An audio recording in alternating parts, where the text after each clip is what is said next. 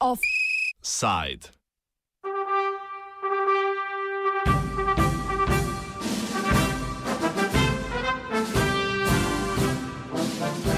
Danes je praznik slovenske vojske. Osrednja slovesnost je potekala včeraj v Cirklah ob Krki, kjer je prisotne zabavala Nuša Derinda z orkestrom slovenske vojske. Številne vojašnice so danes odprle svoja vrata obiskovalcem, ministr za zunanje zadeve Miro Cerar pa je na pristojnem odboru državnega zbora razglasil, da se bodo naši vojaki najverjetneje vrnili z misij v Maliju in Libanonu. Če ob današnjem dnevu pogledamo trenutno bilanco glavnega obrambnega organa v sestavi, lahko ugotovimo sledeče. Ena interpelacija proti obrambnemu ministru, eno naznanilo policiji zoper podpredsednika Komisije za nadzor nad varnostno-obveščevalnimi službami Žana Mahniča, strani obveščevalno-varnostne službe Ministrstva za obrambo in ena kontroverzna odstavitev poveljnika poveljstva brigadirja Mihe Škrbinca.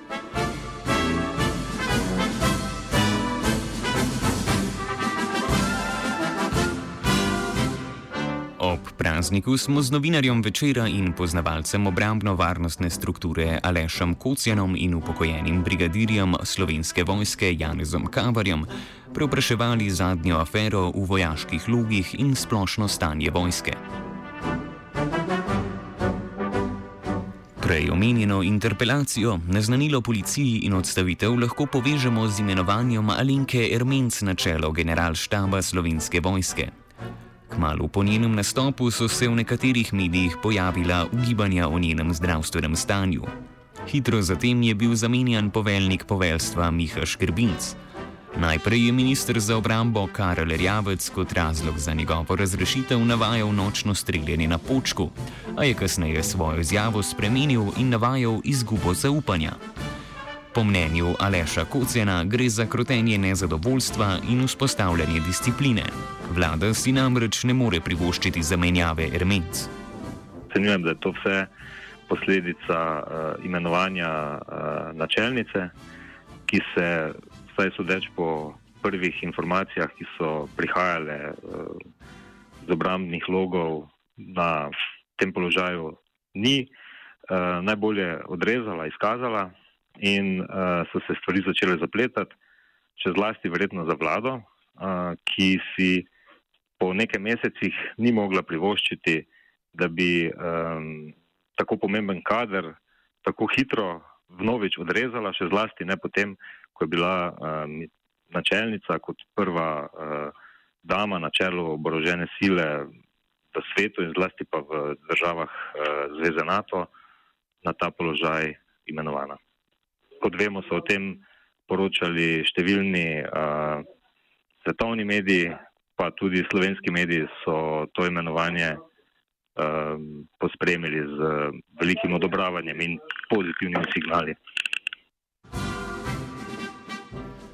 Vojake in vojaško vodstvo naj bi po nekaterih informacijah najbolj razburila ukinitev 19-odstotnega dodatka na plačo, ki so ga vojaki prejemali po odločitvi bivšega načelnika generalštaba Alana Gederja. Ta je že pred nastopom svoje zadnje funkcije govoril o resni kadrovski ogroženosti slovenske vojske, zato je sprejel odločitev. Da vsem vojakom poviša plačo za 19 odstotkov. To možnost je našel v zakonu o obrambi in zakon o obrambi namreč omogoča uh, ta dodatek za povečan obseg dela. Ker je, se pravi, Geder je to zgodbo uh, oziroma ta dodatek utemeljeval na tem, da ima slovenska vojska premalo vojakov glede na kadrovske načrte in strateške dokumente. Število nalog, ki jih izvaja na podlagi zakona in na podlagi vladnih usmeritev, pa ostaja nespremenjeno, oziroma ni nič manjše eh, zaradi tega, ker je vojakov premalo. Torej, je izhajal iz tega, da vojaki so bolj obremenjeni, kot bi bili, če bi jih bilo dovolj. Zato je sklenil, da vsem poviša plačo za 19%. Uh, to je on uh, izvedel v obdobju medvladja, ko še nismo dobili uh, nove vlade pod taktirko Marjana Šarca. In ker je ta poteza imela tudi finančne učinke uh, za proračun, in ker je to bilo zelo brutalno in neposredno sporočilo vladi, češ naj se začne ukvarjati z uh, vojaškimi kadri, je Brško Nesi tudi nakopal jezo novih oblasti in je bil tudi po hitrem postopku, to je seveda moje mnenje, ne, zamenjan.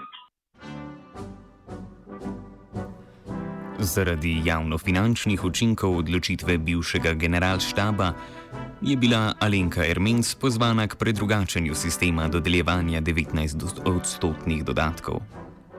Nova načelnica Ermenčeva je po mojih informacijah imela jasno navodilo vlade, da ta 19-odstotni dodatek bolj pravično porazdeli med tiste vojake, ki so dejansko bolj obremenjeni, torej tiste, recimo, ki eh, pomagajo policiji na meji, ki so eh, obremenjeni na misijah in tako naprej.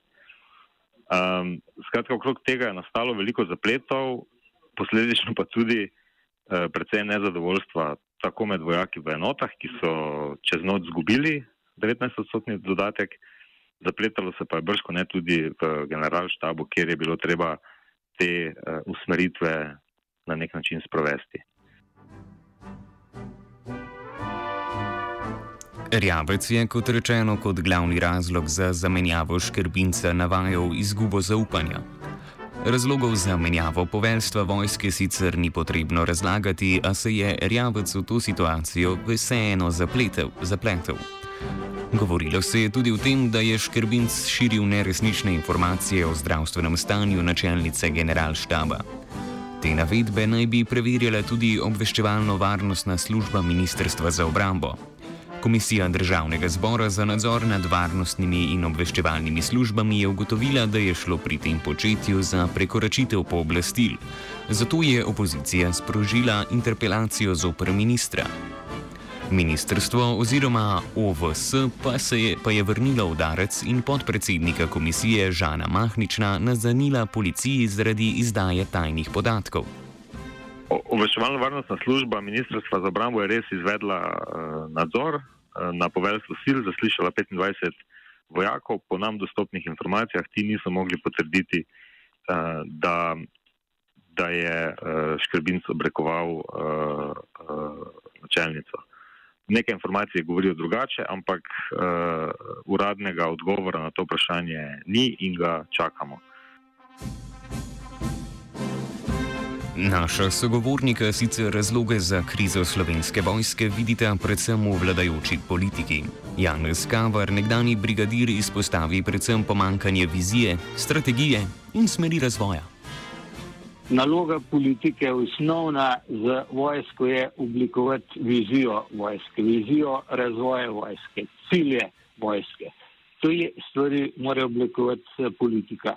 Potem je pa dejansko pa na strani slovenske vojske, da pa uh, te cilje realizira, da te cilje ustvari.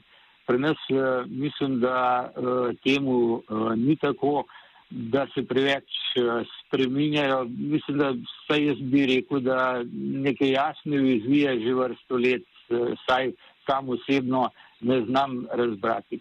Tudi trenutna situacija, eh, kot se lahko bere v medijih, je oblikovati neko belo knjigo, to je razvojni strateški dokument. Ampak, če ni vizije, kako naj se oblikuje ta uh, bela knjiga, kako, kako naj se oblikuje strategija.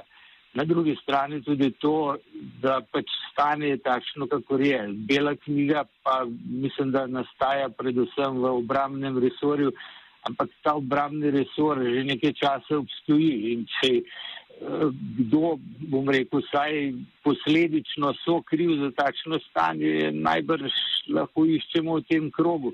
Kako ne zdaj ta isti krog pa oblikuje neko novo, nek nov strateški razvoj, definira vizijo in tako naprej. Mislim, da, da je uh, tu uh, glavni problem. Kocijan izpostavi tudi pomankljivo financiranje. Vlada Boruta Bahorja je v času krize namreč najbolj zarezala ravno v vojaške strukture.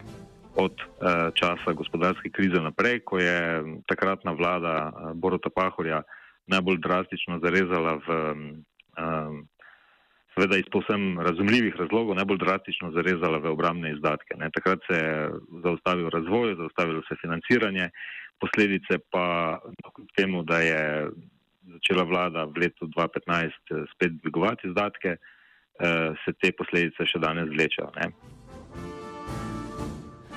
Kavar izpostavi pomankanje vizije v okviru mednarodnih povezav, v katere je Slovenija vključena. Po njegovem mnenju bi slovenska vojska morala več investirati v že obstoječe vire, ne pa investirati v, naprimer, bataljonske skupine. Sem zelo skeptičen, če tudi tam mam, imamo svojo vizijo.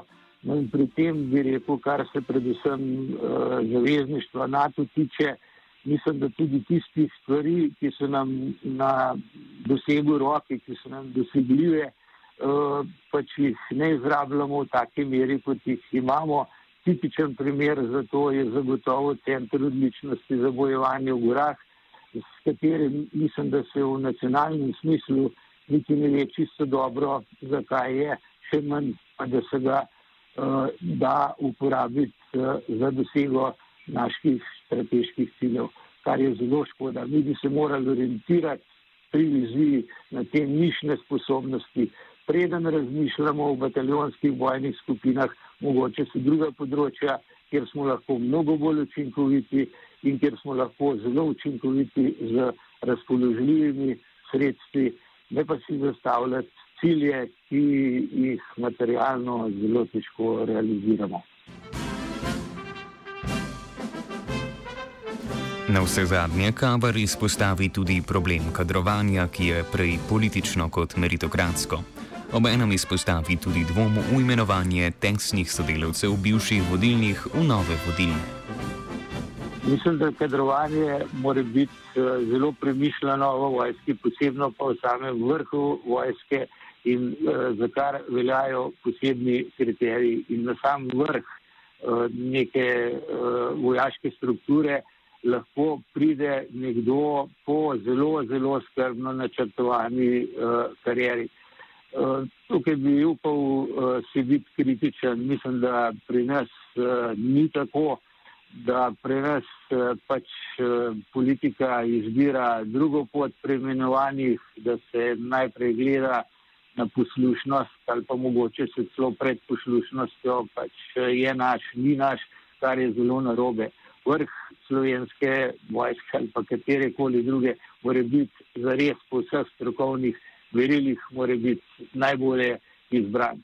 V našem konkretnem primeru jaz bi pač podvomil to, če je nekdo, ki je bil namestnik nekoga, ki je bil zamenjan, zdaj pa lahko najprimernejši za to, da zasede njegovo, njegovo mesto. Vendarle so bile verjetno uh, odločitve uh, v, nekaterih, v nekaterih primerih uh, tudi skupne. Tako da pri tem bi morali biti zelo pozorni.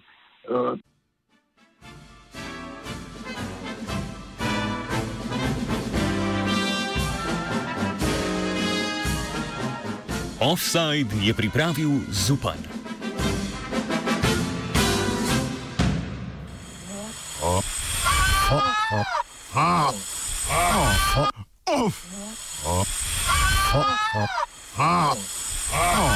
Offside.